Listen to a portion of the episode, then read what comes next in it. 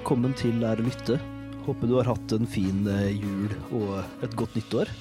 Eh, Det begynner jo å bli en stund siden siste episode. Det var jo i november. Og i mellomtida så slapp vi jo noen da små julesnutter på Instagrammen vår, som du kanskje fikk med deg. Der jeg går gjennom forskjellige typer musikk som vi knytter til jul og julemusikk. Og så I tillegg så la jeg også ut noen eh, covere da, av forskjellig julemusikk på min egen YouTube-kanal som eh, hang sammen med snuttene. da. Så eh, om du ikke har sett på dem, så får du eh, vente til neste jul og sjekke dem ut da. Eller eventuelt hvis du ikke er julemusikk ennå, så er det jo bare å sjekke det ut nå. Uansett, da. Dagens episode handler selvfølgelig ikke om julemusikk. Den handler da om musikal. Og vi går jo litt gjennom eh, historien til musikal, hvordan det har utvikla seg som en sjanger. Litt sammenhengende og røttene i forhold til opera, for eksempel. Og så snakker vi selvfølgelig mye om den spesifikke musikalen, nemlig Hamilton. Og Hamilton er da en musikal om den amerikanske politiske figuren Alexander Hamilton, som er da fra revolusjonstida, så han var viktig i revolusjonskrigen som da gjorde at USA frigjorde seg fra England. Og i tillegg til eh, det her så ble han da senere en viktig figur i forhold til utforminga av det føderale banksystemet. Det høres jo kanskje ut som en litt sånn kjedelig grobunn for å skape en musikal, men eh, det her er faktisk en utrolig spennende, eh, gripende historie, da. Eh, og eh, det blei jo en stor hit også, den musikalen her. Den kom ut i 2015. Og jeg tror det er kanskje mange som i dag veit om figuren Alexander Hamilton kun pga. musikalen, ikke pga. deres eh, fascinasjon for eh, føderal bankingssystem, da, ikke sant. Så eh, det er en interessant musikal som utnytter mye hiphop og litt sånn radikale elementer som det, for å forklare en gammel historie. Eh, Et veldig variert, komplekst og interessant verk, da. Så jeg har med en venninne fra Stiften Kor-miljøet her i Kristiansand. Hun heter Anne Margrethe, eller vi kaller henne Margo, da. Og vi snakker litt om Hamilton, om forskjellige ting relatert til musikal, sjangere og diverse sånne ting, da.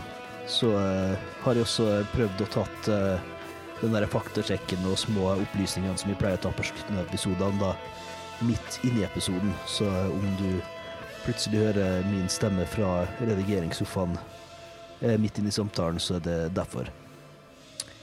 Yes, da skal ikke drøye så mye mer enn det. Vi ses på andre sida. Hei og velkommen til Lær å lytte. Med meg i dag har jeg med min gode venn Margot, eller Anne Margrethe. Hallo, hallo. Hvordan kjenner vi hverandre, da? Eh, vi synger jo i kor, da. Sammen.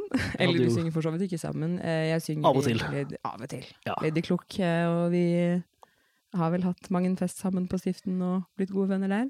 Ja, det er jo eh, studentkormiljøet som eh, har prega podkasten. Sånn sett det er jo mange gjester derfra. Jeg merka det! Jeg bare, de kjenner jeg. Det er jo folk jeg kjenner, da, tross alt.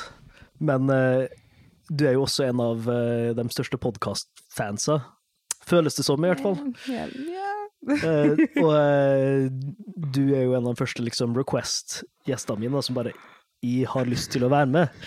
Og det er gøy, ja. fordi at ideen bak podkasten er jo litt liksom, Vi elsker jo musikk. Folk eh, har ofte et personlig forhold til det, og liksom utdype og kontekstu kontekstualisere og gjøre det rikere, da. Og dele det, ikke minst. Det er jo mye av greia. Ja. Så det at du har et eller annet du har lyst til å dele, er jo perfekt. Og vi skal jo da snakke om Hamilton. Eh, Jeg har jo sikkert en intro der jeg nevner det, da. Men, mm. Men eh, hvordan fant du Hamilton, først og fremst, da? Eh, jeg fant Altså, jeg har jo alltid vært veldig glad i musikaler helt fra jeg var liten. Eh, og jeg og søsteren min driver og nerder frem og tilbake med Spotify-lister og sånn. Og så fant jeg egentlig Hamilton ved at søsteren min sendte meg en link. Hun satt og skrev på en eller annen skoleoppgave og var sånn Hei, dette er det eneste jeg har har hørt på de to siste ukene. Har du lyst til å prøve å høre på det? Og så, så var jeg solgt. Var det omtrent da det kom ut? Eller? Nei, eller det kom Altså, det var Det var jo 2015. Ja, ikke sant. Nei, det er ikke så lenge siden. Nei. Eh, Det er vel sånn to, to og et halvt år siden, kanskje, Ja. jeg begynte å høre Mm. på det. Eh, og så bare har det basically gått på repeat. Og så var det veldig eh, Da det kom på Disney Pluss for ett og et halvt Mm. år siden, så var Fikk det vel en revival, tror jeg. Eh, solgt. Føler at jeg har snakket tull i hodet på de jeg bor med. Sånn, Ja. sett Hamilton? Skal vi se den nå? Skal vi se den nå? Ja, ikke sant. Og det, for faktisk, første gangen de hørte om Hamilton, var i eh, det blir vel 2016, da. Ja. Um, for da gikk jeg på folkehøyskole, og vi hadde en amerikansk utvekslingsstudent. Og der var også året av valg mellom Trump og Hillary, og ikke sant. Så Ah. amerikansk politikk prega enhver diskusjon, basically, hele, hele skoleåret, da. Ja. Men på et tidspunkt så sa han bare å, vi må se Hamilton, liksom. Så han bare satte seg i fellesområdet og satt og så Hamilton, og en stor gjeng som gjorde det. Mm. Jeg bare gikk forbi bare rappende presidenter, det høres kjedelig ut, og så gikk jeg. Men nå har jeg jo sett den, da. Ja. Eh, Det, altså, etter at du tvang meg til det, på en måte. Og, eh, Bare hyggelig. og jeg skulle nesten ønske at jeg kunne gå tilbake og bare, eh, bare gå og se det.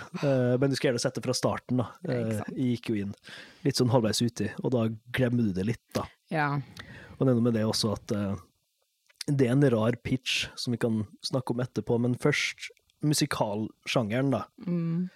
er jo en rar ting. Det Mm. vanskelig å definere, kanskje. Ja. Og eh, nå har jeg jo en AI musikkhistorie, så jeg liker å tro at jeg kan bitte litt Jo da. eh, ting, men det som er interessant eller viktig for å forstå musikal, er jo opera, da, egentlig. For at det er der på en måte blandinga mellom musikk og tekst og handling, da. Sånn, fordi låtskriving er jo mye eldre, og dikting og alt det der, men Mm. å blande det med skuespill, da, eh, det er en litt eldre form. Og eh, det blir jo i barokken at liksom det vi i dag kjenner som opera, vokste fram. Eh, Folka som gjorde det, det var en gruppe italienere, prøvde jo egentlig å forske på å finne ut hvordan var det musikalteater i antikken eh, skjedde. Oh, ja. Men liksom, de hadde ikke opptak eller noen sånne ting. Det var jo en, eh, ja. en annen tid, så det de kom fram til, da, var jo liksom den første operaen, da, så type Orfeo og litt sånne gamle greske liksom, så De fleste gamle opera er jo greske myter ja. opprinnelig, og så vokser jo den formen her. Og den blir mer og mer teatralsk, og parallelt så har det jo eh, i kirkemusikk, da, det er jo juletider nå, så juleoratorium og sånne ting. Det er jo egentlig en kristen versjon av opera. Der det er null kostymer og null dans, men det er en handling, og også bibeltekster, da, i konteksten her, som også settes til musikk. Så det, det er liksom en rik sjanger, da, faktisk. Så sykt gøy. Eh, Så har folk bare ikke endra og modernisert den formen som musikal er, da. Fordi at opera utvikler seg og utvikler seg og spiller videre og blir mer og mer komplekst. Eh, En god stund så handler det jo om eh, ferdigheten til sangerne, da. Ikke sant? Så det er jo der da primadonna er jo en operaterm, ikke sant? En operastjerne. Ja. Og eh, kastratsangere var jo veldig populære eh, så for å synge kvinneroller, da. Eh, fordi damer fikk ikke lov til å være på scenen. ja, ikke sant. Eh, gøy! Men eh, ja, så vi, vi lemleste unge gutter. hjem til det. det er ikke bare hyggelige ting. Alt for kunsten. Alt for kunsten må lide for skjønnheten, si. Så det er jo en greie. Og så begynner, med Wagner spesielt, da, så begynner mye mer enheten mellom musikken og den musikalske historiefortellinga. Den skal bygge mye mer under historien, så liksom eh, musikalske materialet blir ikke lagt til side for å vise hvor flink sangeren er. Mm. Og handlingen blir ikke viktigere enn musikken, og musikken blir ikke viktigere enn handlinga. For eh, Wagner, da, så var jo det Gesamtkunstverk, som man kalte det, altså helhetskunst. Ja. At alt underbygges, og han, han var jo veldig aktiv i settdesign og i manus, og i selvfølgelig i komponeringa og alt det der, så han gjorde alt for at det skulle henge sammen, og det gjør jo også Linn Manuel Miranda, eller eh, ja. hvor mye settdesign han var med på, vet ikke, men han har jo skrevet all musikk og tekst og gjort veldig mye av produksjonen, da, og Ja. i tillegg til at han er jo hovedstjerna. Eh, Så det er litt sånn linje der, da. Mm. Men så etter Wagner så kommer jo operaen til USA, og det er der vi får Broadway. Og så, når du har tidlige musikaler, så ligner det jo mye mer på en klassisk opera i komposisjon og sånne ting. Det er ikke så mye popmusikk, men etter hvert som popmusikk blir en ting, så er jo da amerikanerne ikke redd for å slenge det inn på en operascene. Europa, som har en litt lengre historie, eh, ikke sant, som Skjønner ikke hva du snakker om. Nei, men opera har altså, ikke sant? Det klassisk musikk i Amerika og Europa er jo veldig eh, utprega forskjell i flere kontekster, med at amerikanerne er ofte mye mer eksperimentelle. Ja. Eh, eller de drar det lenger på et kommersielt nivå, eller kanskje riktigere å si, da, fordi at ja. offentlig støtte av kunst er jo mye mer utbredt i Europa igjen. Ja. Så mye, mye av ny, nye ideer kommer fra Europa, flytter til USA og blir populære der, og så vil de etablerte i Europa ikke røre dem etterpå. Eller, ja. ja.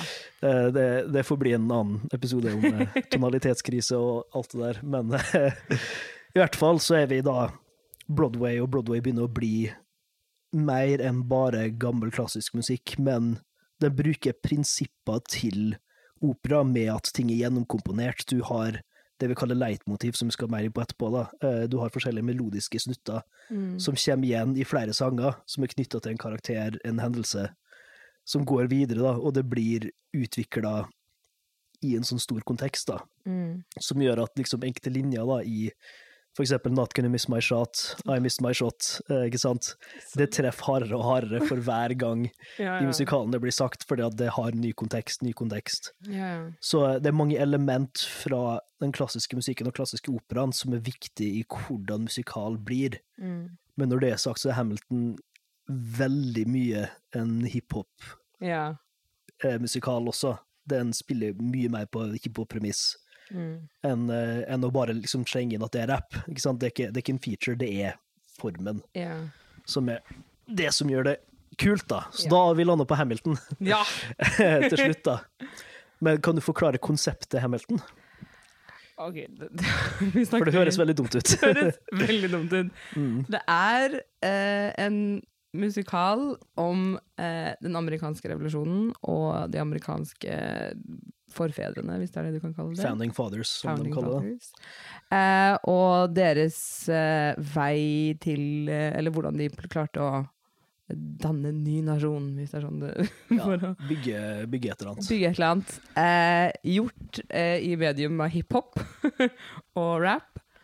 Eh, med nydelig dans og sang og fantastiske, fantastiske karakterer som eh, klarer å bringe Nei, for å gjøre liksom den amerikanske Mm. revolusjonen til et faktisk ganske spennende tema. Ja, Eh, og Nei, jeg vet ikke. Det, veldig, det høres veldig rart ut når du liksom Ja. tenker hiphop. i hvert fall Da jeg da igjen min søster Mm. prøvde å pitche det her for meg, så tenkte jeg liksom hiphop tenker type sånn Jay-Z, Eminem, Kanye West, og så er jeg sånn ja.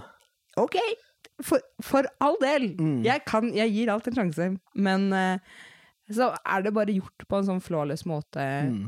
Um, og så er det jo igjen Musikaler blir jo Folk tenker typ Julie Andrews, Phantom of the Opera uh, og sånn type Veldig fin musikk og veldig fin sang. ja. Det er gøy, men det er ikke nødvendigvis kult på den måten hiphop er, da. Ja, altså bare hiphop gir det til Mm. en helt karakter, og så er det så sykt fin blanding av at du tenker på hiphop som en ganske ny kunstform, sånn Mm. sett. Eh, på en måte historisk, si. Mm. Um, altså ta, ta det tilbake for å forklare grunnleggelsen av en hel nasjon, da, Mm. eller et land, er Jeg syns bare det er veldig gøy. Det er rart, men det gir litt mer mening uh, ut ifra liksom ideen Linn Manuel Miranda, som har skrevet det her, da, har. Uh, og bare så lite sidespor i forhold til hiphop og hvordan du setter opp, da, for det er altså musikal liksom i europeisk kontekst, da, altså det blir jo veldig forenkla, men Ja, ja. veldig mange liksom, operapurister vil jo kanskje se på musikal som en eh, lavkultur i forhold til opera. da. Ikke sant? For eksempel i klassisk musikkutdanning så er det litt forskjellig fra skole til skole hvorvidt du har lov til å synge musikalrepertoar som en operastudent, for eksempel. Da. Oh, ja. Så det er jo en musikalhøyskole og en operahøyskole, det er to forskjellige institusjoner. Ah. Selv om det er mye grenseland, ikke sant. Mm. Eh, og igjen, da, hiphop eh, veldig lenge ble jo sett på som en lavkulturell musikkform også Ja. men det er jo en av de mest ordtunge sjangrene som fins. Mye mer enn vise og sånne ting. Mm. Så for det er mange flere ord per minutt. Og eh, det, i researchen også kom jeg over en sånn studie liksom, der de analyserte hvor mange ord per minutt forskjellige sjangere har, da. og hiphop var milevis over de andre, og igjen Eminem var milevis over alle andre rappere i ordforråd, da. Så det var veldig gøy, da. Men det er også det er veldig sånn stor poetisk eh, poetisk potensial, og folk er ikke knytta til melodi. ja. Du kan bare slenge ut masse, masse ord, og ofte når rim går i uregelmessige strukturer, bare sånn som i åpninga på eh...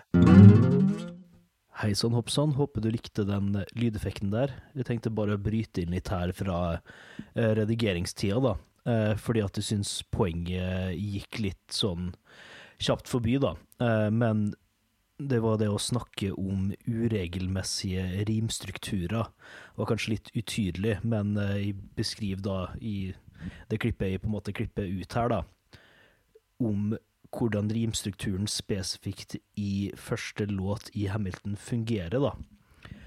Og eh, sånn handlingsmessig så er jo det her på en måte presentasjonen av bakgrunnshistorien, kan man si, da, til Alexander Hamilton, før vi da møter han i musikalen. Og rent sånn rimteknisk, eh, og hiphop-teknisk, om man kan kalle det det, da, så er det ganske interessant med teksten hvordan de forskjellige orda rimer med hverandre, ikke i sånn typisk enderim som et eh, barnedikt, ikke sant, men heller da at det er en intern rimstruktur. Så det er da heller forskjellige ord som bruker lignende ordlyder og eh, sånne ting internt i setningen som bygger sammen, da og så får du på en måte en sånn kontinuitet som driver både historien og selve musikken, da. Så jeg tenkte bare å lese, uh, lese teksten her litt i takt. Jeg greier jo ikke å rappe så veldig bra, men uh, i hvert fall lese noenlunde i takt, så dere får et inntrykk av i hvert fall den første par setningene i uh, Hamilton, da. Så anbefaler jeg selvfølgelig egentlig bare å høre på i hvert fall den sangen her. Og den heter jo da Alexander Hamilton. How does a bastard, orphan, son of a whore and a Scotsman, dropped in the middle of a forgotten spot in the Caribbean by providence, impoverished and squalor, grow up to be a hero and a scholar? Ja, så sånn høres det noen ut, selvfølgelig fremført bedre i uh, musikalen. Men uh, det er rett og slett av måten man bruker rim på en litt uregelmessig måte til å drive både historien og musikken framover, da, syns jeg var interessant. Så eh, nå zoomer vi straks tilbake inn i samtalen igjen. Og det er det som er potensialet hiphop har for å fortelle en historie som krever mye ord. Og da, det som Linn Manuel Miranda tenker, er jo at Alexander Hamilton er jo en ikke så veldig kjent figur i revolusjonen, egentlig. Han har mm. blitt det nå på grunn av musikalen, egentlig. Men han var mest kjent for å skrive og snakke veldig mye, ikke sant? oh, ikke sant for da... Og det gjør jo at han er en hiphop-type. I tillegg ja. han beefer med alle de andre Fanning Fathers, som også er en hiphop-greie. Og så i tillegg til det at han er født på en liten øy, ja. eh, liksom i Karibien, rett ved Puerto Rico, som er der Miranda kommer fra, mm. og dro til Eh, New York eh, etter en storm, liksom, og samme gjorde faren til Miranda, mm. ikke sant, og blei et eller annet ut av det, da. Så det er så mange paralleller som gjør at det egentlig gir helt mening å ja. bruke hiphop til det, selv om det er 200 år seinere. Så eh, gjør det at det forteller historien bra, da. Jeg synes det, altså, Er det bare så gøy hvordan de forskjellige karakterene mm. bruker hiphop på forskjellige måter? Som jeg syns er veldig gøy. Ja hvor du har um, Lafayette, en karakter som uh, Eller en mann, da. Uh, som franskmann, som mm. kom for å hjelpe amerikanerne. Uh, og hans rappstil er veldig, veldig liksom han, Det er som går så fort. Ja. Du aner ikke. Men det, men det, er også utvikling som er gøy, ja. fordi at i, når, vi, når, vi, møter han først fordi det her har jo ganske langt tidsspenn, denne historien her. Så når vi møter han, så er jo han og Hamilton og gjengen veldig unge gutter som er bare i starten av en revolusjonskrig, mm. og de bare sitter i en pub og prater politikk. Ja. Litt som vi gjør på en kvantumfest, kanskje, eller noe sånt. og så etter hvert, bare i løpet av første akt, så går det liksom ti år, og nå er alle sammen generaler og ja. har vokst og fått ansvar. Og du merker at han får mindre aksent og rapper fortere og fortere ja. i løpet av den akten, da. Han, han har en utvikling bare der, da. Og så er jo David Diggs, da, som spiller han den mest karismatiske jævelen som fins. Det er helt sykt, faktisk. Spesielt den siste raske rappen han har, da. Det er ja, bare å hoppe opp og stjele showet, altså. Er, oh, nei, ja. unnskyld. nei, han er en stjerne. Han er verdt å, verdt å nevne. Ja, men, altså, det er nesten verdt å se musikalen Ja, bare for David Diggs, og og en musikal burde jo ses i tillegg til å høres. ja, Men det skader ikke å høre musikken først. Det gjør jo i sjela. ja, men fordi jeg begynte jo med å høre albumet, Mm. um, og litt på samme måte som hvis dere har hørt, eller hvis du har hørt um, eller sett Le Miserable, Mm. så er det veldig lite snakking gjennom, eh, gjennom musikalen. Mm. Så du kan høre musikalen og på en måte få med deg hele historien. Mm. Det er liksom ikke sånn, og det, det syns jeg er veldig fint, fordi som en musikal, en som er veldig glad i musikaler, og som en som ikke har økonomien til å reise til Broadway ukentlig, eh, så er det en veldig fin måte på å Mm. få med meg musikalen på, fordi hvis jeg hører på andre musikalske soundtracks, så må jeg lese om historien for å få med hva som skjer. Mm. For da er det plutselig bare en sang om en jente som gjør et eller annet, og så er det noe annet som skjer. Og så gir det mening i helheten med Mm. på en måte dialogen, men siden du ja, Når jeg bare har soundtracket, så har jeg jo ikke mulighet til det. Så. Ja. Det er det som også er den rappgreia, da. Mm. At uh, mye av dialogscenene greier du fint å få til i en rappkontekst, som ikke er like lett uh, hvis det er en annen musikksjanger, nødvendigvis, da. Og du ser også litt av krasjet mellom hvordan rapp greier å levere mye mening, Mm. kontra sang i for eksempel eh, hvordan kongen, da, som er også en veldig morsom del av ja, det er så gøy! Ja, Det morsomste med kongen, by the way, er jo at eh, han skuespilleren Mm. eh, jeg, jeg har sett han på eh, Mindhunter først, Ja, og der spiller han jo en skikkelig seriøs FBI-agent, med liksom null tegn til det. og så bare en han den mest ridiculous, eh, litt barnslige kongen som eh, har så mange morsomme, ironiske linjer. da, Sånn No, don't change the subject, because you're my favorite subject. Ah, det er, jeg så et uh, intervju med Lin Manuel Miranda, og da sa han at det, han, Jeg tror han prøvde å få frem det at altså Hvis jeg har forstått det riktig, da. At det var litt sånn som amerikanerne så på kongen. At det bare var en liksom sånn egoistisk liten sutreunge som bare hadde «Øh, Jeg vil ikke, jeg vil ha Ja. denne, liksom. Eh, og altså skrev han da eh, Det er to sanger, eller tre sanger, Ja. men den første har han jo skrevet som en form for breakup-song. ja.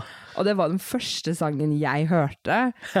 Eh, så jeg var sånn åh, dette er så bra sang! Jeg Mm. elsker denne sangen, You'll Be Back. Og det er liksom, de snak, han snakker, kongen refererer til liksom en hel, et helt land som ett menneske. Mm. Som man bare er sånn Du kommer tilbake, og så plutselig så begynner å si at ja, nei, hvis ikke du kommer tilbake, så sender jeg en hel armé for å drepe hele Ja, ja. familien din. For, for å minne deg om min kjærlighet. Yes!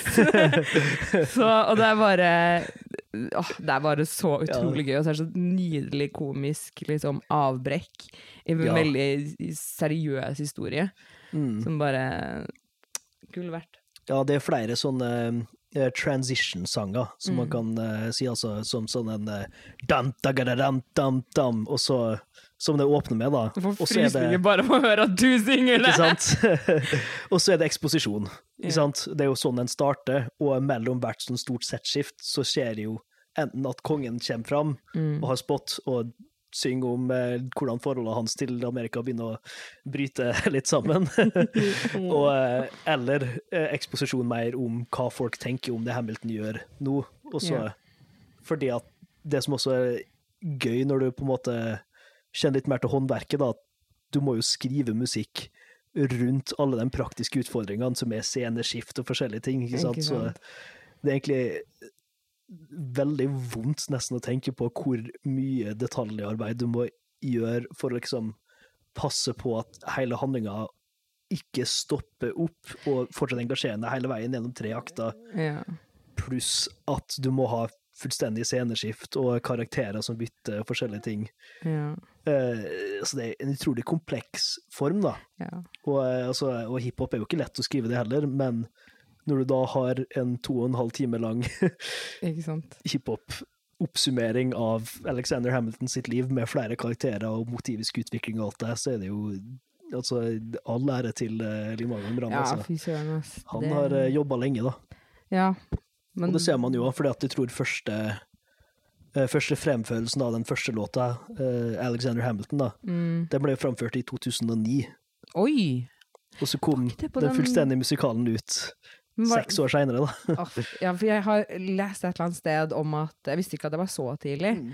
men jeg leste et eller annet sted om at han hadde vært sånn Ja, nei, jeg prøver å få det til, og så hadde de Mm. første framvisning eller noe sånt foran eh, Barack Obama. Ja, det var sånn 2009. Sånn, Ja, det I Hvite hus. Det er jo rett etter at Obama har blitt valgt òg. Ja. Eh, Men at de har en sånn kunstnerisk aften. Eh, Ja. Det er vel Evening of eh, Music, eh, Poetry and Words, eller noe sånt. Og da får han For han har jo litt navn fra uh, Into the Heights. ja.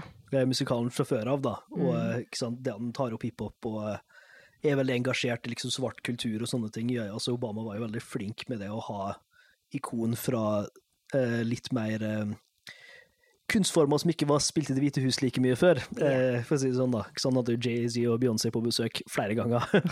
Så gøy. Så Trump hadde jo Kanye på besøk en gang, men eh, det, Ja. det var en egen affære. Ja. Trenger ikke snakke om det.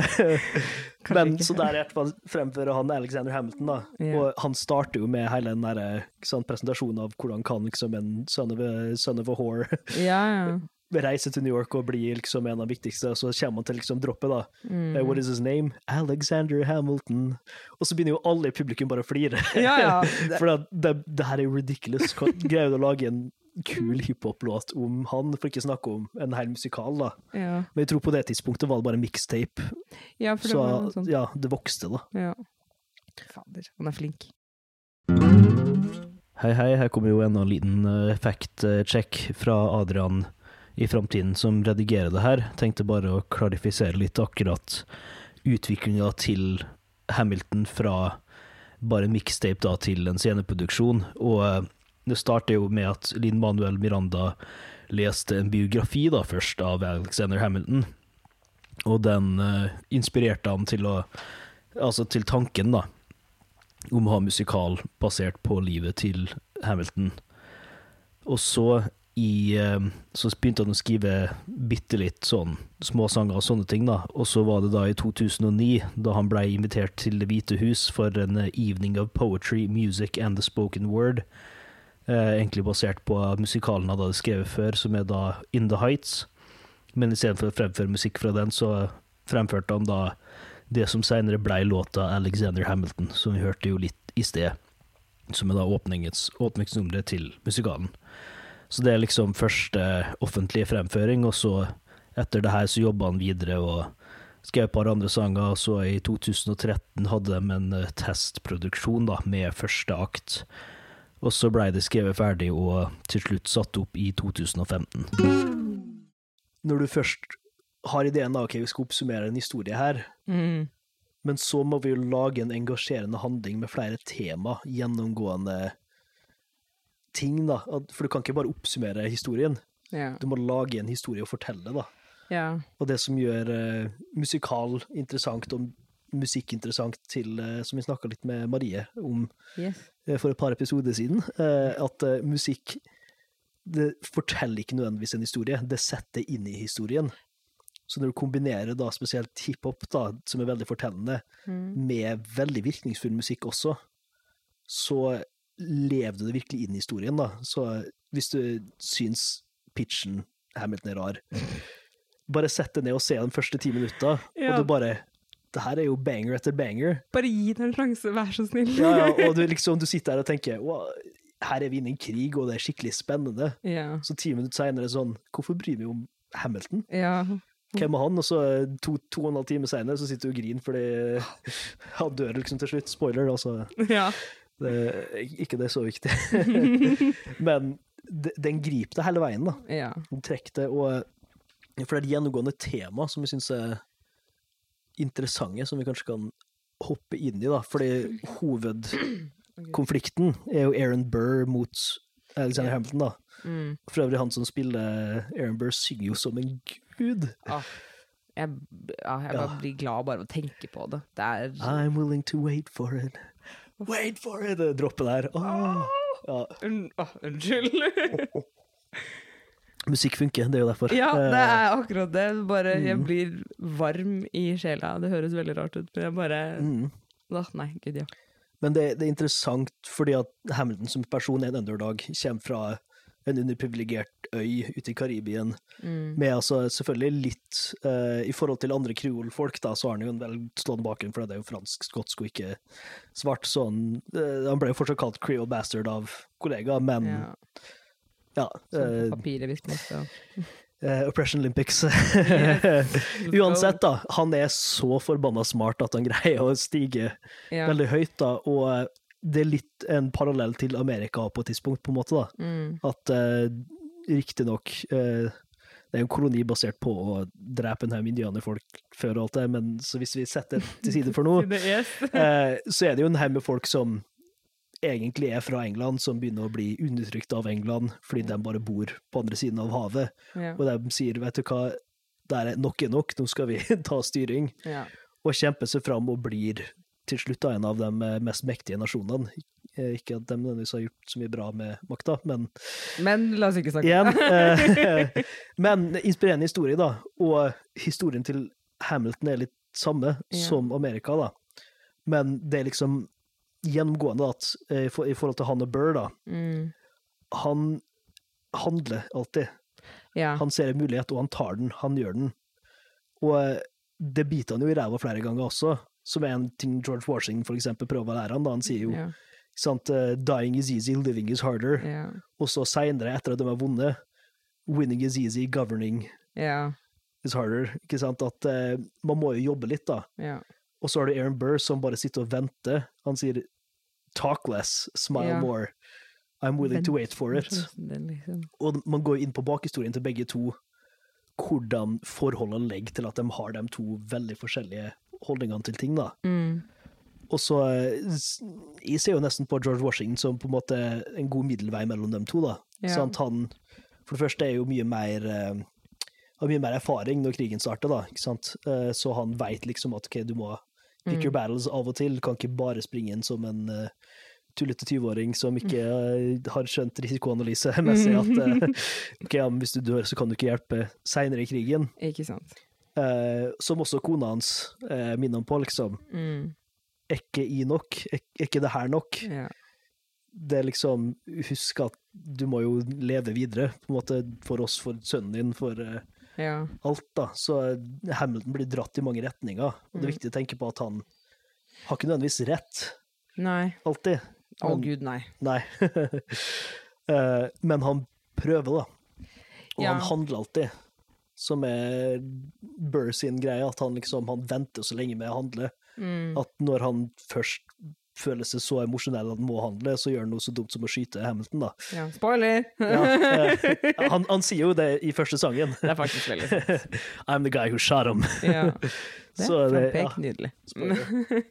Men eh, altså, Burr klarer jo også på en måte å klatre i randstigen og. Sånn, men Hamilton er til ethvert sp- tidspunkt, uansett hvor mye dumt han gjør, Mm, ligger Hamilton foran Burr. ja. Han ligger alltid liksom ett skritt videre. Um, og de på en måte Hele veien så er de litt sjalu på hverandre. Ja. Uh, hvor i starten så prøver Hamilton å bli som Burr, fordi de hadde gått på samme college og sånn, i hvert fall ifølge historien. Mm, Men, uh, og da på en måte, De hadde gått på samme college og hatt litt samme vei da, til der hvor de kom ut. Men keep meeting, som Ja, de sier. Ja. hele veien. Eh, Mm. Og finner ut at liksom Burr analyserer Hamilton og tenker ja, han gjør så mye dumt, og så ser jeg bare det dumme i Eller liksom de negative konsekvensene av de valgene Mm. han tar. da. Det at han er så At han ikke nødvendigvis tenker gjennom all, hele situasjonen før han begir seg ut i den. Mm. Eh, mens Hamilton er litt Ja, han Jeg vet ikke. Jeg bare ja, Burr er forsiktig. ja, Men det, det er jo til den grad at han, han tenker mye mer på Og du får jo høre det i The Room Where It Happens, da. Yes. Der han liksom til slutt bryter Altså, hva er det du står for? Mm. Jeg har lyst til å være i rommet der det skjer. Ja. Og for, måten for å gjøre det på at han prøver så godt han kan å ikke lukke noen dører. Han vil alltid Mm. ha alle dører åpne, da. Så han kan bare hoppe inn, så han bytter bare plutselig parti når det Ja. Når en åpning for å hoppe inn i Kongressen åpner seg, så bare gjør han det. ja. Og ingen veit om han egentlig sto for det partiet han var i eller ikke. Ikke sant? Han bare Han vil være Han setter målet foran verdiene som Mm. han har lyst til å bringe til målet, da. ja. På et vis. Og han har jo tenkt på strategien for å komme dit, men ikke nødvendigvis hva han skal gjøre når han kommer dit, da. Det er det. Altså, du merker jo det veldig. uh, Burr og Hamilton Mm. hadde liksom sånn elsk-hat-forhold, i hvert fall hvis jeg har forstått det riktig. Ja, det er litt sånn vennskapelig rivaleri, nesten. Ja, uh, og så stiller uh, Burr som presidentkandidat, Mm. og så er det vel Jefferson, om jeg ikke tar helt feil, Ja, det er Jefferson som som stiller, stiller mot, ja. og så er det tydeligvis uh, tie, altså det er likt, og de finner ut at om Ham altså Hamiltons stemme har så utrolig mye å si, Ja. og så sier Hamilton der, det er bare sånn, ja, men Jefferson has beliefs, Burr has none. ja. Og han, han sier det er så enkelt som at han er uenig med Jefferson i Ja, ja. alt. Alt. Men han, Men har han, vet i hvert fall hva han står for. Ja, Det er fienden han kjenner, og ikke fienden han ikke kjenner, på et vis. da. det Og det er jo etter at han har eh, blitt eh, ganske så hardt uh, stabba i ryggen av begge to. Det det. Egentlig, ikke sant? Så han, det er jo etter hans første store fall. Mm. The Lord, tell me how to say no to this. Nei, så hele greia. Uh, og den uh, kjenner du til Catherine Ryan. Hun har et veldig morsomt poeng om den sangen her, skjønner du. Oh, ja. Jo! Ja! Ja, ja, ja! ja, du har sett den? Mm. Ja, hun er jo en kanadisk eh, standup-komiker, da. Og eh, i en eller annen rutine så begynner hun å snakke om at hun så Hamilton en gang, da. Yeah. Og så i den scenen her, da, så er jo Hamilton sitter og skriver fram og jobber et eller annet, og kona og ungen er på ferie på sommerhuset til faren, da. Mm. Og så kommer det plutselig en ung dame inn da, og bare liksom uh, sier eh, 'Å, jeg har trøbbel', eh, eh, mannen min isn't treating me right, og alt det der, liksom. Og hans første reaksjon er 'Å, hvordan skal jeg si nei til det her?' ja. Og hennes poeng bare 'She didn't say anything'! Nei, så bra! Det er så sant. og, og ja, OK, her er noen som har problem, går til sin nærmeste representant i Senatet Ja. og spør om hjelp, og han ligger med jo det greia, da. Og så Ja. selvfølgelig ingen, ingen var in the room where it happened. Ja. Så vet du ikke hvor mye hun eventuelt la han, eller han la han, men etter uh, metoo-tida og sånn, så kan vi jo kanskje tenke oss til at uh, uh, ja, ikke går helt mot Hamilton sin side, da. Nei. Men det her biter han jo i ræva, da, på et tidspunkt. ikke sant. Uansett, så Men Igjen det at han Ja. tar valg uten å tenke helt igjennom det, Mm. og så kommer og, tilbake eh, det. Men på Catherine Ryan sitt punkt, da, det er jo ikke sånn at musikalen setter opp at han har rett. Nei. Han, siden sangen er fra hans perspektiv, Ja. så setter han det opp som om han har rett, men Ja. i konteksten av musikalen så virker det ikke sånn, og det jo, der kommer jo Angelica inn når hun kommer etter at han erkjenner det her da, og skriver Det er jo hans på en måte store krisepunkt da, Ja. in the Eye of the Storm, eh, Eye of the Hurricane-sangen, der han bestemmer seg for å jeg skal bare skrive offentlig at det her var en ting jeg gjorde, Ja. og eh, da kan ingen bruke det mot meg i politikken, for det, nå har jeg erkjent det selv. Ja. Men han skyter seg selv i foten litt uh, ja. karrieremessig, og knuser jo forholdet til kona. Og så kommer Angelica, som han egentlig på en måte var nesten mer interessert i, som er søstera til kona, yeah. for kontekst til dem som hører på. Yes. Eh, men hun er liksom hans intellektuelle eh, Ikke motstander, men eh, sjelevenn, nesten, da, Ja, i hele greia. Hun kommer, og han bare Å, har du kommet for å hjelpe meg, liksom? En Nei. som forstår. En Fuck som you, du, øde, du ødela for søstera mi. Ja. Jeg skal gå og hjelpe henne. Så, så hun setter han på plass Ja. som er bra, for det er bare tre kvinnelige roller som har bitte litt å si, og egentlig bare to. ja. Sånn sett. Altså, siste er jo Ann Peggy, som hun sier tre ganger, liksom, og så er hun borte. Men sånn, så det, det er jo tre søstre der to av dem er kjærlighetsinteresser egentlig for Hamilton. ja. Så ikke den mest feministiske musikalen nødvendigvis, Nei. men Angelica er jo en fortsatt sterk personlighet som preger mye uansett. da. Hun får jo sin ene låt der hun liksom synger om hvorfor hun dytta han mot Eliza Mot istedenfor, og alt det der. Og i slutten, etter at Hamilton er død, så legger de jo opp mye til at OK, ja, det er jo Skyler-søstrene som gjør at vi kjenner historien til Hamilton Ja. også. Som forteller historien videre. Mm. Så det, det, det er bra at de løfter opp det, men uh, Ja. det kunne vært litt mer agency, kanskje, i, uh, ja. i Men det er, jo, det er jo en realitet at uh, historie er blitt skrevet av menn. Ja, Bare for å prøve å forsvare Linn-Manuel Lin Miranda. Men Ja, ja. historie er jo skrevet av menn, så det er jo måte på hvor mye Mm. materiale du har om disse kvinnelige karakterene, Ja. da. Eh, så det er jo Men ja, nei. vanskelige ting, men også, også et poeng at vi lever jo i en tid nå på en måte er blitt veldig hyperbevisst på alle alle problematiske sider ved nesten alt vi snakker om, da. Mm. Og det er viktig å ha det i tankene og tenke over det, men samtidig må du jo fortsatt kunne lage en god musikal. Og jeg tror eh, det hadde kanskje gått an med mer tid, men det hadde vært vanskelig å lage en musikal som er så fengende og engasjerende som Hamilton, Mm. med å ta opp alle skyggesidene og liksom prøve? Det er jo ikke der kunsten er. Kunsten er litt for å bygge opp og slippe fri følelser, også, men å skape en engasjement, og det Altså, ingen hadde diskutert noen av skyggesidene til Hamilton i hele tatt, Nei. hadde ikke musikalen eksistert. Akkurat. Så jeg tenker at det starter en samtale, og eh, det er jo, det er jo god kunst, da. Det er det. Så eh, jeg lener jo mer mot det, og det, det er jo lov å være uenig der, Ja. selvfølgelig. Um, Jo, men altså, Mm. selvfølgelig mm. Altså, kan jo alltid snakke om representasjon og vil ha mer av det. ja, Men, eh, og representasjon er mye bra, så det er jo veldig mange BIPOC-folk, yes. bruker fagterminologi der. eh. og, eh, men når man snakker om representasjon nå, så er det jo om å gjøre det ordentlig, da, for du kunne jo bytte ut alle karakterene med hvite skuespillere, Ja, ja. og det hadde ikke hatt så stor innvirkning på musikalen. Nei. For det er ikke det som løfter fram, men også det handler jo om hvite folk. Ja. Eller, eh, men igjen på den tida, ikke sant, Hamilton er jo fra Karibien. Yes. Riktignok fra europeisk at, men sant, han har jo mye av tinga, så det er jo mer komplekst enn som så, da, liksom Mm. en god, en dårlig Ja. greie, da. Og eh, det løfter jo mye kompleksitet fram i, eh, i det her, da. ja.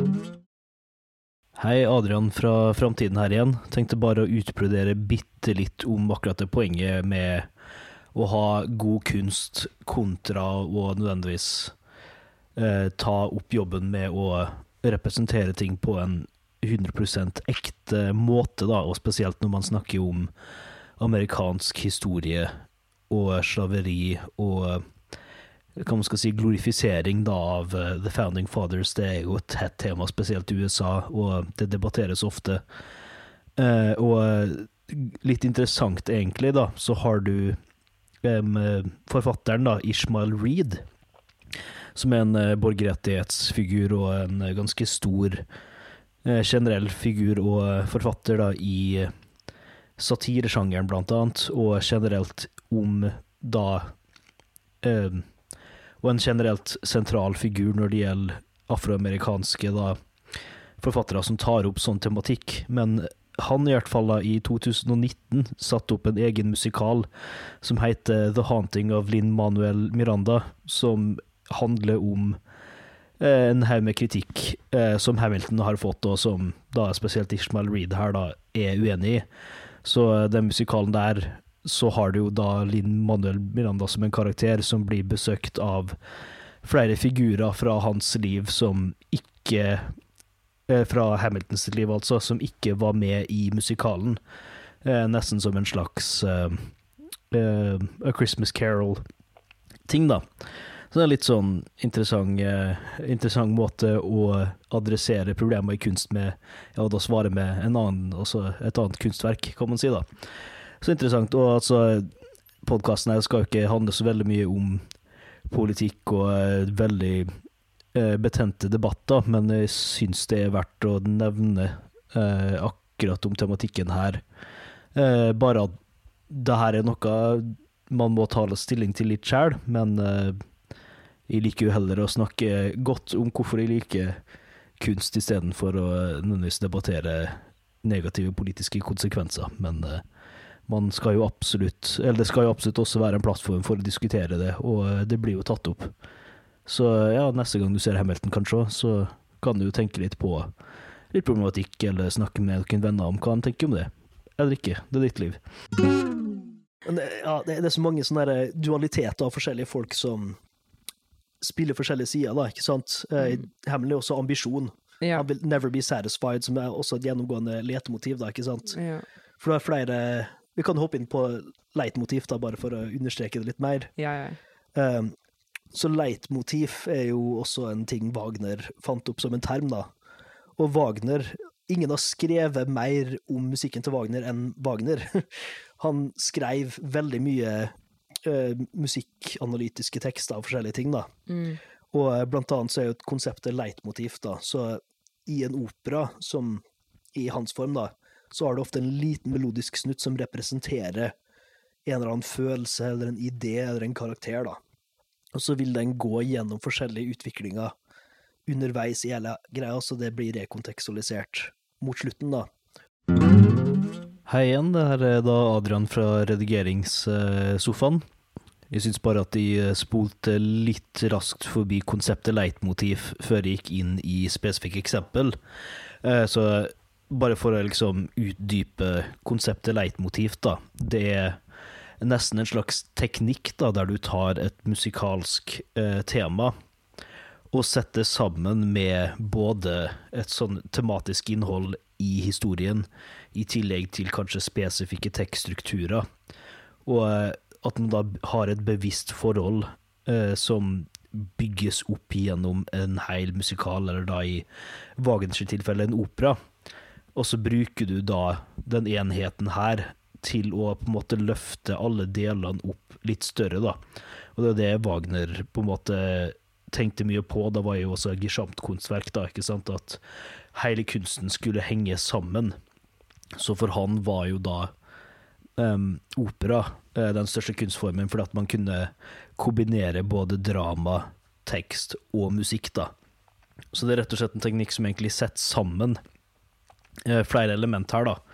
Eh, og så går vi nå videre i samtalen inn på litt spesifikke motiv som man kan kanskje kalle leitmotiv, eller tenke på i leitmotivperspektiv, da. Eh, rett fra Hamilton.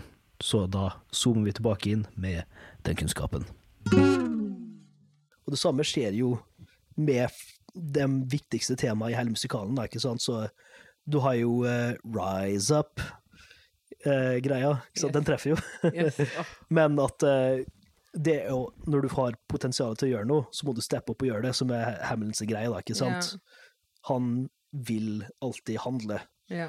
Han skal rise up, han kan ikke lose my shot, I'm not gonna waste my shot. Ikke sant? Han ser en han ser en mulighet, han må ta den, for i hans bakgrunn så var du tar de mulighetene du får, da. Ja. Og så er det folk som Burr, som på en måte har en litt mer Han har en, et familienavn å oppholde.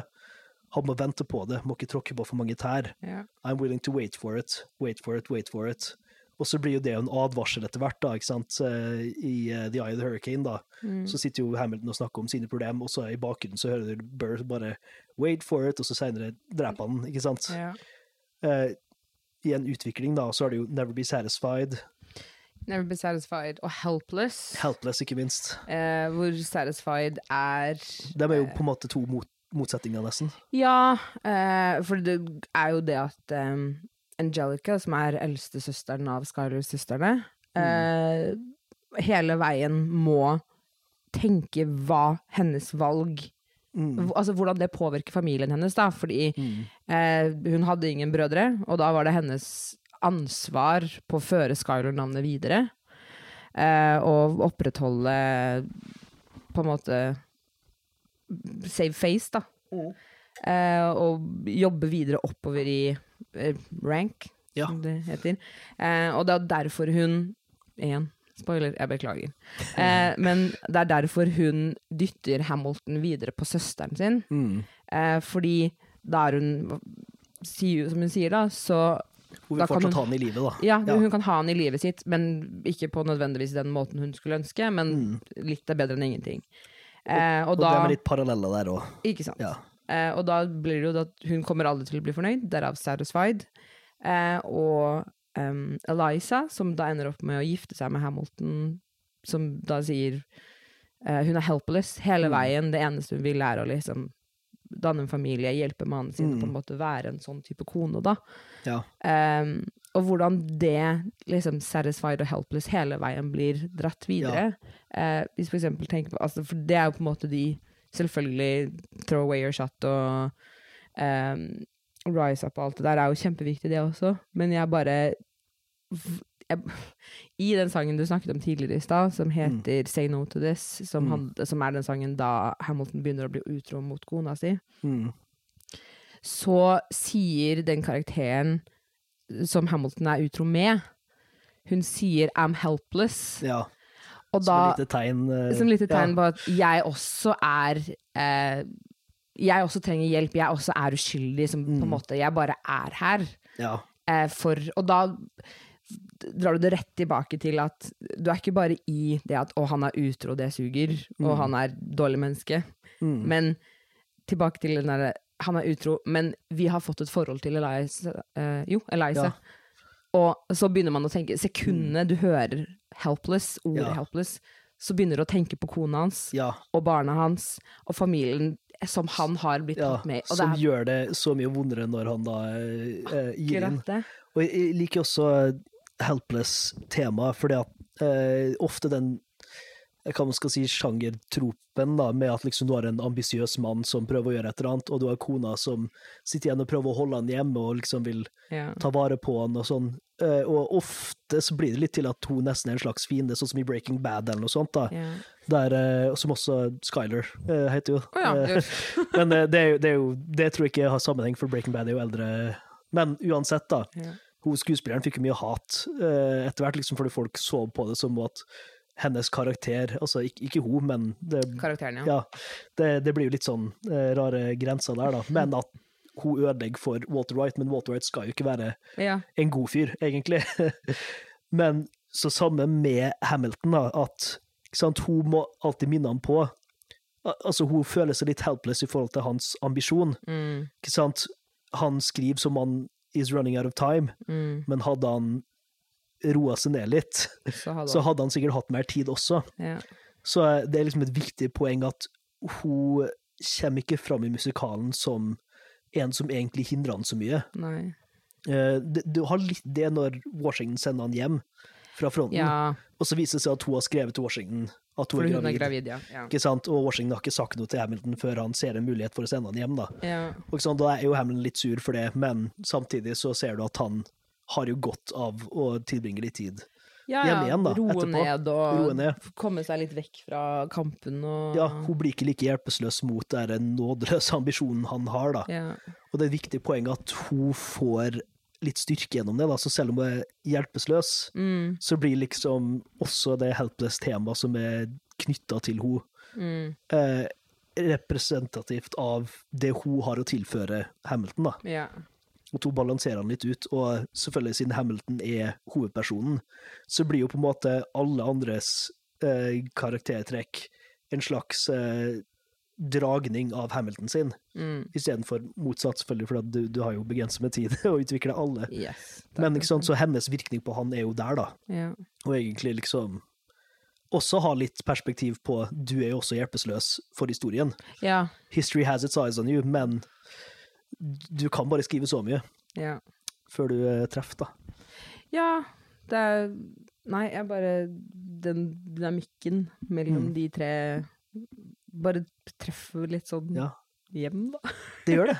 Nei, men det er liksom sånn fordi Ja, nei. Jeg er veldig glad i det. I like it. Det, det er veldig bra og komplekst gjennomført. Ja. Og det, det jeg mener også når jeg syns at uh, til tross for liksom at det ikke snakkes mye om slaveri og alt det her i konteksten her, som Mm. er en viktig greie, er jo at de bygger karakterene og setter veldig mange andre viktige temaer eh, veldig bra opp. Og eh, det gjør at hele historien har en veldig god emosjonell resonans, som ikke minst er underbygd av musikken. da, ikke sant? At alle disse temaene henger sammen og påvirker hverandre. Og mange sånne tekstlige ting òg, da. For Mm. eksempel eh, da er jo The Ten Dual Commandments, der de begynner å snakke om ikke sant, uh, reglene for en duell, da, der man skal skyte hverandre. ja. Uh, sønnen til Hamilton sitter jo og lærer å spille piano i en scene, og der sitter jo mora og teller The two Cats Og så Å ja, hun teller til ti på Ja. fransk, og så seinere så går det over til engelsk. ja. Og så ser man at Spoiler alert, sønnen blir drept i en duell. mye foreshadowing, da, og det er mye musikalske tema som kan gjøre det når du har eh, leitmotiv. Yeah. Tankesettet, eller operakomponist-tankesettet. Og det ser man i filmmusikk, for eksempel. Da. I uh, Game of Thrones er det flere plot points, eksempel med The Rains of Castamere, da, hvis du er en Game of Thrones-nerd. uh, den melodien der kommer jo mange ganger i tredje sesong før The Red Wedding. Vi trenger ikke gå inn i plottvisten der, men Ja. med en gang du hører sangen, du bare Å ja. Ah. Å ja. Å ja. Oi, OK. Oi. Selvfølgelig, hvis du har lest boka, så eh, vet du det allerede, da. Men, Ja. men det er en effektiv teknikk, og det er ikke sikkert at man hører det på første forsøk engang. Ja. Men den underbevisste greia at å ja, her er et melodisk motiv som jeg har hørt. Det gjør at du bare Å ja, du, det setter i historien, da. Det setter i følelsen av Mm. det som kommer til å skje. Det er derfor musikal og opera og sånne ting er så interessant, da. Mm. Og det som er fint med musikal, er at det er litt mer uh, tilgjengelig for oss. For det er sånn, opera er jo nesten alltid på tysk eller italiensk eller fransk, og de synger veldig stilisert og veldig melismatisk, for å bruke fagord. Uh, der det er veldig mange toner per stavelse. Ja. Ikke sant? Så et ord blir en veldig lang Og så er ordet ferdig, ikke sant? ja. Så du mister litt teksten, da. Mm. Mens en musikal har mye mer tydelig tekst, mye lettere å følge med på, da. Eh, For en moderne lytter, siden musikal er jo mer i vår tid, mens opera Det skrives jo moderne opera, men det beste som spilles, er jo gammelt. Mm, Det blir litt mer folkelig. Mm. For å ta det litt tilbake til det vi snakket om i Ja. at på en måte opera At det er liksom sånn og, Altså Musikal, selv om i, på Broadway så er jo det Det er jo ikke billige billetter, liksom. Du får jo billetter er til ganske dyre. Ja. Eh, men det blir litt mer for folket, da. Det blir litt sånn at alle kan høre på, og du kan kjenne deg igjen i historien fordi de snakker om Mm. Eller ikke snakker om det, men de, musikalen tar opp tema som er Og- Opera i sin tid var jo det også, Ja, Eh, Shakespeare også i sin tid var det, men uh, det er litt den der syklusen av høykultur, da, at liksom ting blir forelda Ja. og gamle, og det er bare en viss klasse folk som har tid og overskudd til å lære alle de Mm. tinga rundt som gjør at man kan forstå det. Som er jo litt det jeg lærer lytte selvfølgelig prøve å være en antidote til, da, ikke sant? og øke kunnskapen så man kan få en entré inn i litt mer komplekse ting som klassisk musikk eller eh, opera eller sånne ting. Da. Og musikal er jo litt lettere Ja, å skjønne med en gang, da. spesielt Hamilton. egentlig. Det er bare enklere for det. Selv Ja. om altså, du kan høre det én gang, høre soundtracket, eller helst se det, hvis du har tilgang til det. Anbefaler det på det. Ja. Fins på Disney pluss. Yes. Reklame for allmektig Disney. ja. eh, men altså liksom, enten om du hører det eller ser det, så forstår du historien med en gang. Hvis Ja. du fokuserer ikke bare på musikken, men hvis du også mm. fokuserer på teksten, så forstår du hele, hele historien. Mm. Mens igjen, sånn ny opera, da, må jeg ha en liten sånn De to gangene jeg har sett på opera, så er det Hva handler dette om? Ja. Pappa, hva handler dette om? ja. Jeg vet ikke, jeg heller. Vi bare hører på. For altså, det med opera det er jo også veldig mye fin musikk som ja, skjer, og eh, man kan jo også bare høre på musikken. Litt som i klassisk musikk, liksom, du trenger ikke nødvendigvis forstå hva, hva en eh, sonatesatsform er for å kunne likevel nyte ja. Beethovens femte. Liksom, ja. OK, da, da, da, da. Ok, hvordan endres det? Ja, da, da, da, da, da, da, da. ja, ok, ja. Vi skjønner det. ja. Sånn, det trenger jo ikke være Det drar det jo Det er jo en belærende form også, på en måte, da. Men eh, med operatrekk og sånn i Hamilton òg, så det er jo flere småting som er veldig opp operaaktige, for eksempel der em, forskjellige karakterer synger samtidig. Ja. Når de ikke rapper, men når de synger mot hverandre. Det er sånn veldig typisk eh, dobbelarie. Hei sann, jeg kom akkurat på at det kan hende at ikke alle som nødvendigvis veit hva en dobbelarie er. Så bare for å ha litt sånn enkel operaterminologi-session her, da, så er en arie det er en sang i en opera som hovedsakelig formidler følelser. Mens sangene i en opera som driver handlinga fram, er det vi kaller for resitativ. Så det er bare sånn med klassisk musikk, siden det er en eldre kunstform, da, så er det litt sånn eget språk for å beskrive enkle ting. Men uh, aria da er de følelsesladde sangene. Og eh, en dobbelarie da er rett og slett et følelsesladd øyeblikk i en historie der to karakterer synger følelsesfullt samtidig. Av og til som en slags dialog, av og til eh, nesten en slags parallelldialog, da, som er litt det vi snakker om her, da. Eksempel i en kjærlighetstrekant, da, eh, som er jo litt med Helpless og Ja, Satisfied, da, så synger de jo Angelica og Liza oppå hverandre. Ja. Og det går egentlig ikke an å helt få med seg teksten til begge samtidig, da.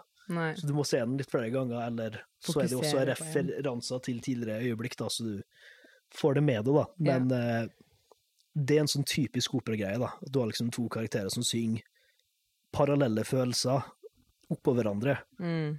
Og det funker fordi det klinger bra likevel, og de har liksom én frase begynner og slutter, så begynner den andre, og så går de litt inn i hverandre, og du får en sånn unik tekstur, da, så ser du mye rundt, og eh, Mm. det er komplekst, men eh, det gjør òg at du kan se på det flere ganger og nyte det mer, da.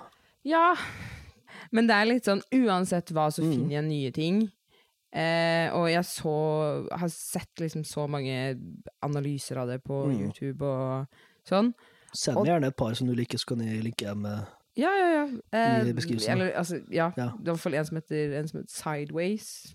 Ja. Sideways, Skjær ut Sideways. Yes. eh, og det er bare så komplekst, og så sitter Mm. jeg der sånn Å ja, det tenkte jeg ikke på, men det gir jo 10 000 mening. Ja, ja. 100 det, er- det er sånn Mm. Alt Altså, han skrev en Eller han hadde en 20-25 minutters lang video om bare traileren Ja. til det var sånn Det var traileren til eh, ja eh, eh, musikalen. det er så mye kompleksitet i, eh, i sånne ting, da. Ja. Som gjør at du kan eh, diskutere og eh, ja, ta fra hverandre mange småting kjempelenge, da. Som er, men igjen, man trenger jo ikke gjøre det. Nei. Det den det. treffer den treff, også Uansett. Hamilton de første ti minutta. Det treffer deg med en gang, og du får lyst til å se resten. Mm. Uh, om du har to og en halv time eller ikke, da. Uh, det Ja, ja. spørs jo, men uh, Hvis ikke så er soundtracket altså, Ja. Bare ikke trykk på shuffle, så går det fint. ja, da, da, da får du med deg litt av handlinga. Ja. Og det som er mm, For å gå litt inn på musikalske trekk òg, da. Jeg er jo ikke en stor hiphop-historiker, så skal ikke si at jeg har alt Det er ikke jeg. 100% rett, men det jeg hører i hvert fall i soundtracket, at det er ganske mange forskjellige sjangertrekk fra liksom ulike epoker i hiphop-historie også. ja. Uh, det er ikke sånn supergammel uh, sampling og sånne ting, men det er liksom av uh, det hiphop har vært siden siden de begynte å bli bevisst på hva som var på radioen til i dag, da, Mm. så hører jeg mange forskjellige ting der. Men det som også er gøy, da, det blandes med typiske musikaltrekk og forskjellige andre sånn Det er veldig mye piano, for eksempel. Da. Den, den, den, den, den. og musikaler er jo ofte skrevet på piano. ja. Så eh, det at du skaper en, en groove, da, uten trommer, men bare piano ikke? Mm. Slår en akkord, den, den, den, som eh, eksempelet, da. Mm. Eh, og så kan du rappe opp på det, og det funker. Mm. Det funker veldig bra. Og så, når det da fylles opp med et band, ja. og du har eh, for eksempel av den danka, gang, gang, gang. Det er jo faktisk en autentisk revolusjonær skarptromme. Det er en skarptromme fra altså Jeg tror ikke den er fra den æraen fysisk, men bygd etter samme prinsipper, da. Så på trommesettet så har du et moderne trommesett, og så en gammel, 200 år gammel eh, trommedesign for å liksom etterligne den der krigstiden. Gøy. Og så har de også forhåndsinnspilte trap beats og sånne ting som skjer. Mm. Og du har eh, en insane bassist. Altså hvis du, hvis du har lyst til å eh, På tredje lytt, kanskje, da, når du begynner å bli lei av teksten, så kan du jo eh, Ikke aldri bli det, men, Aldri. eh, men når du begynner å kunne den, da, Yeah. bare hør på det bassisten gjør. Det er så sykt mye kult. Som bare virkelig trekker ting sammen, da. Som er utrolig gøy. Og uh, trommer og bass er jo veldig viktig i hiphop, da. ja. Og det nailer dem uh, gjennom hele greia, da. Det driver uh, mye av det. Så det gjør at soundtracket også er veldig lyttbart uten å se på. det er akkurat det. Det hjelper å se, da, men Det hjelper å se. Men jeg så jo Jeg hørte jo mens jeg satt og skrev en eller annen skoleoppgave, som Mm. min søster, så hørte jeg jo på soundtracket Ja. på repeat. Eh, og det ble jo til slutt at jeg ikke enset musikken. ja. Og når jeg tok en liten pause for skrivingen, så var jeg sånn Å ja, nå er vi der. OK, begynner å skrive. Ja. Å ja, nå er vi der. Og så bare gikk det liksom på loop, fordi Mm. det var som en historiefortelling som bare gikk i hodet mitt. Um, og det, er liksom Uansett, og da hadde jeg jo ikke tilgang til det, for det kom ikke på Disney Pluss før ja, september eller noe sånt. Mm. Eh, I hvert fall Disney Pluss da det kom i Norge, da. Um, og da Nei, det bare jeg, Nei, jeg bare hørte Mm. på det så mye, og det liksom Historiefortellingen er så bra at Mm. altså, Som du sier, det hjelper å ha det visuelle. ja. For det er jo så lite som at som settdesign i første akt så har de masse tau og sånn, som skal liksom representere Hamiltons vei med et skip fra Mm. Karibien og opp til New York.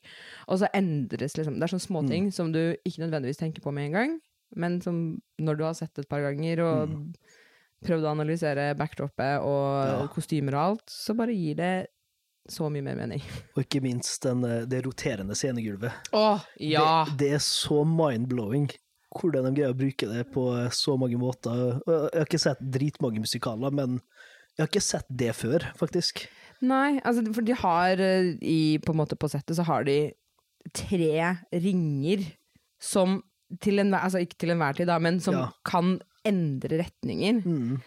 Og jeg så en Jeg har analysert mye, men jeg så en video av en fyr som Mm. hadde analysert hvordan karakterene gikk på scenen. Ja. Hvor Blocking, Burr som det heter i film, i hvert fall. Ja. Det blir jo brått det samme, Ja. men hvor Burr til enhver tid liksom går rett Nei, går skeivt. Ja. Eller går liksom svinger litt når han går, mens Hamilton går rett.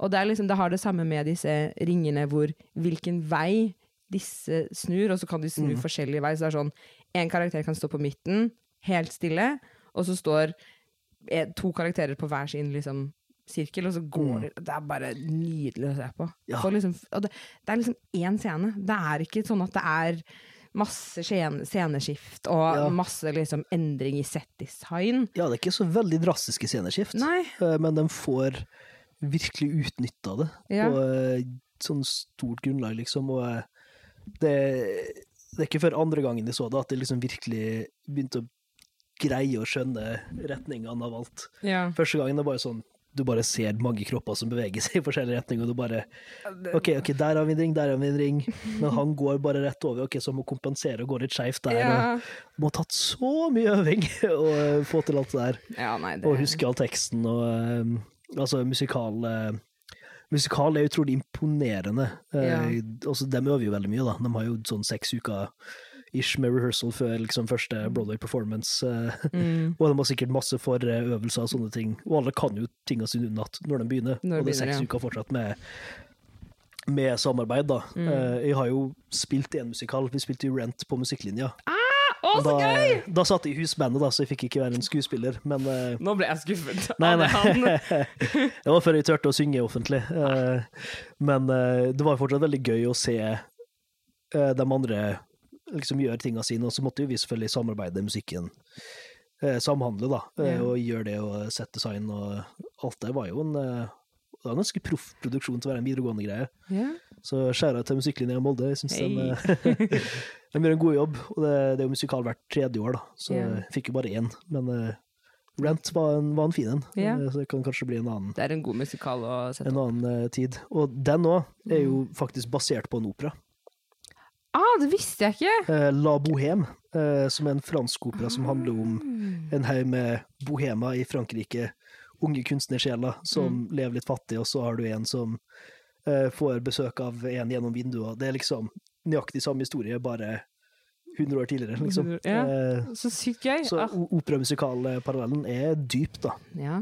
Da må jeg brått se La Bohème. Å nei, ja. så dumt! Ja ja. Så dumt. Da har vi mer moro å se.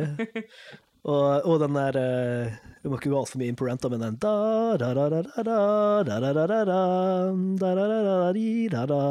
Som er temaet til Mimi, da. Det er jo temaet til hennes parallell i i La Bohème, da. Aha, Eh, Så gøy! originalmelodien er derfra. Mhm. Eh, Så mye morsomt der. Ta det tilbake. Ja, ja, jeg må, må sirkle litt rundt. Ja, ja, ja. kunne begynne å gå mot en eller annen form for avslutning eller oppsummering, da. Men eh, fordi musikal og den der igjen kombinasjonen mellom musikk, tekst, handling Mm. Eh, Det gjør at man kan fortelle en historie på en helt annen måte, da. Altså selvfølgelig en ordentlig regissert eh, spillefilm har jo en veldig virkningsfull greie, men soundtracket hjelper nesten alltid. Ja, ja, ja. Det er veldig få filmer som blir bedre når du kutter soundtracket. Ja, oh, gud, jeg, Harry Potter uten soundtracket går jo ikke. Oh, ja. det er bare Daniel Radcliffe som går rundt og ser forvirra ut. Og Rupert Green som ser enda mer forvirra ut. Så eh, musikken hjelper, og det som er gøy med musikal, er jo der er musikken spesifikt skrevet inn i handlinga i teksten, og det er liksom det er Mickey Mousing, som man kaller det, at eh, musikken faktisk treffer i handlinga, da. Yeah. Og det er en sånn form som kanskje mange syns er litt teit, eh, og musikal og liksom, men det er jo så kult, egentlig. Når du, hvis du Ja. faktisk fordi, Ja, unnskyld, beklager. Det er veldig mange når jeg snakker om musikaler, og hvor mye jeg elsker musikaler, og hva jeg ser på, og, og sånn, Mm. og følger med på, så er det sånn OK, det er greit. Du får høre på det du hører på, og så får jeg høre på Ja, det jeg hører på. Og så er det sånn Det er helt fair, det er helt greit. Mm. Men gi det en sjanse, fordi det er Det er så utrolig imponerende. Ja. Og så hvis du faktisk tenker på at Ikke for å disse film og filminnspilling, så kan en skuespiller Hvor mange ganger har ikke du sett på blooper reels? Eller, Ja. ikke sant? Fordi det er en skuespiller som gjør Mm. en eller annen feil. Men musikal så er det, i hvert fall på Broadway, åtte ganger i uken Mm. så setter du opp samme stykke, samme ting som du må gjøre gang på gang på gang på gang. Og hvis du gjør én feil, hvis du bare plasserer en flaske feil som du skal ha Ja. i hånden, så kan det endre på hele hvordan alt skjer. For da plutselig Ja. så faller den, og så kan den knuse. Og så. Det er sånn Ja. Det har så mange ringvirkninger når du har en så komplekst satt sammen ting som Hamilton, da, liksom, så du kan ikke bare stoppe opp og plukke opp en flaske, og så Og så fortsetter jeg. gå- Sorry, sorry. Ja, ja. Altså, man, man kan sikkert prøve, det er jo derfor, du ser jo det i filmen òg litt, uh, huet til uh, musikaldirektøren, Ja. Uh, liksom det stikker bare opp av bunnen der, uh, så du ser liksom bare et hårete hode og en hånd av og til. ja. For det er jo for å kommunisere med skuespillerne og passe på, så hvis et eller annet hadde skjedd og musikken må stoppe opp, så går det jo an. Ja. Men det er liksom det er syltynt. Det Eh, ja, ja. Det er egentlig veldig lite som må til for at det skal rakne, så Ja. det er jo utrolig bra når det, yes. når det blir så eh, konsistent bra framført, da. Ja. Jeg så uh, Og det er bare sånn Mm. veldig liten ting, men jeg så Book of Mormon på Det Norske Teatret i Oslo Ja. for Ja, På nynorsk. selvfølgelig. Ja, ja. ja. Ja, Ja, ja. Dritbra oversettelse. Var Åh, nei. Sånn i Kristiansand. Ja. Så bra. Eh, men eh, Og da var det med Det var en scene hvor Frank Kjosås, som spiller en av hovedkarakterene, var helt alene på scenen. Mm. Og så var det bare en sånn plastkanne som Ja. var en del av settet, som ikke hadde vært festet ordentlig, eller det var et eller annet som hadde skjedd, så den falt. Mm. Og da ble han bare sånn Oi! Og det var bare sånn, bare det. Han klarte liksom Ja. ikke Hvis en baby hadde begynt å gråte, eller et eller annet sånt, så er jo det innøvd, Ja. så da kan han gå videre. Men bare den lyden av den plastkannen gjorde at han måtte liksom stoppe helt opp, og fikk helt sånn Ja. Ok, han klarte å liksom fort ta seg inn, og bandet og orkesteret liksom Mm. klarte å spille rundt det. Mm. Men det var bare Det var ikke høy lyd engang. Det var så vidt jeg hørte det som satt på. hva Men du hørte det fordi han hørte det? Ja, Ja. Så det Nei.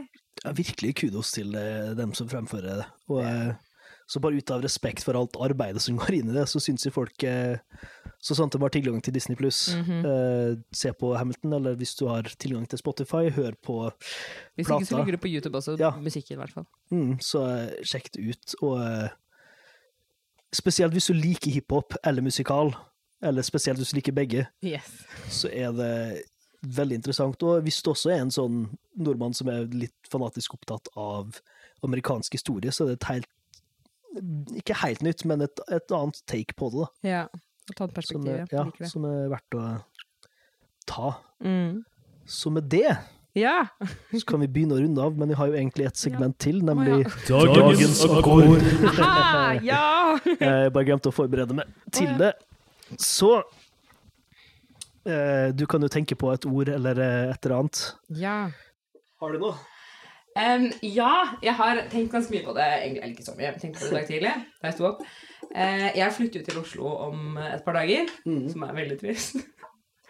uh, så jeg har egentlig tenkt veldig mye på det ordet um, savn.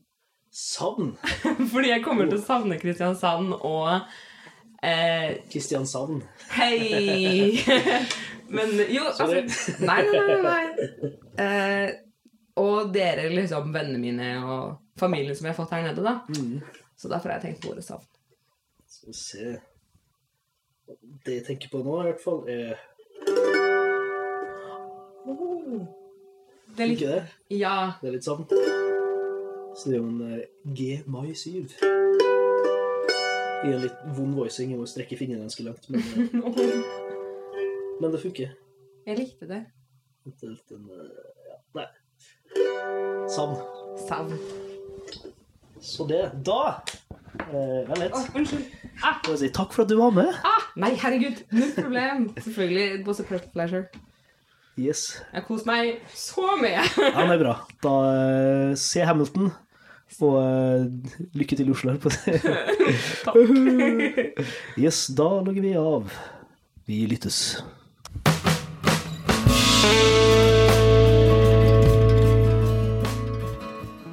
Og det var da episoden vår om musikaler med Lær lytte. Jeg tenker bare jeg vil si eh, takk for at du hører på, at du forhåpentligvis har hørt på siden episode én. Det er jo nå snart et helt år siden vi starta den podkasten her. Vi har jo alle, alle ambisjoner om å fortsette. Eh, Det blir jo spennende eh, nå i tida framover, siden jeg går jo mot slutten av min master på musikk her i Kristiansand. Så det blir jo spennende å se eh, hvor mye tid de greier å sette av til det her med eventuelt arbeid og sånne ting, da. Jeg har jo selvfølgelig som mål å gjøre denne podkasten profittbar også, slik at eh, det her kan være noe jeg faktisk lever av. Eh, og da forhåpentligvis kan vi jo steppe opp eh, produksjonen og gi ut flere episoder oftere om mer musikk som du liker, forhåpentligvis. Og større og bedre gjester og alt mulig rart. Ting skal jo alltids oppes frem.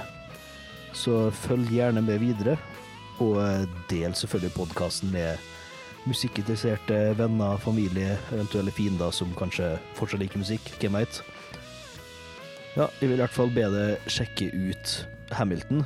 Eh, om det er da på streaming på Disney Pluss, eller eh, høre på albumet på Spotify, eller se klipp på YouTube. Eh, se gjerne også forskjellige videoessays som har blitt lagt ut. Eh, jeg kan lenke til noen i beskrivelsen også, som analyserer den her, for det er mye interessant å hente her, da, og eh, ja, det Hvis du er litt skeptisk til musikaler, så er den her en fin plass å starte, vil jeg si. Så eh, sjekk det ut, altså.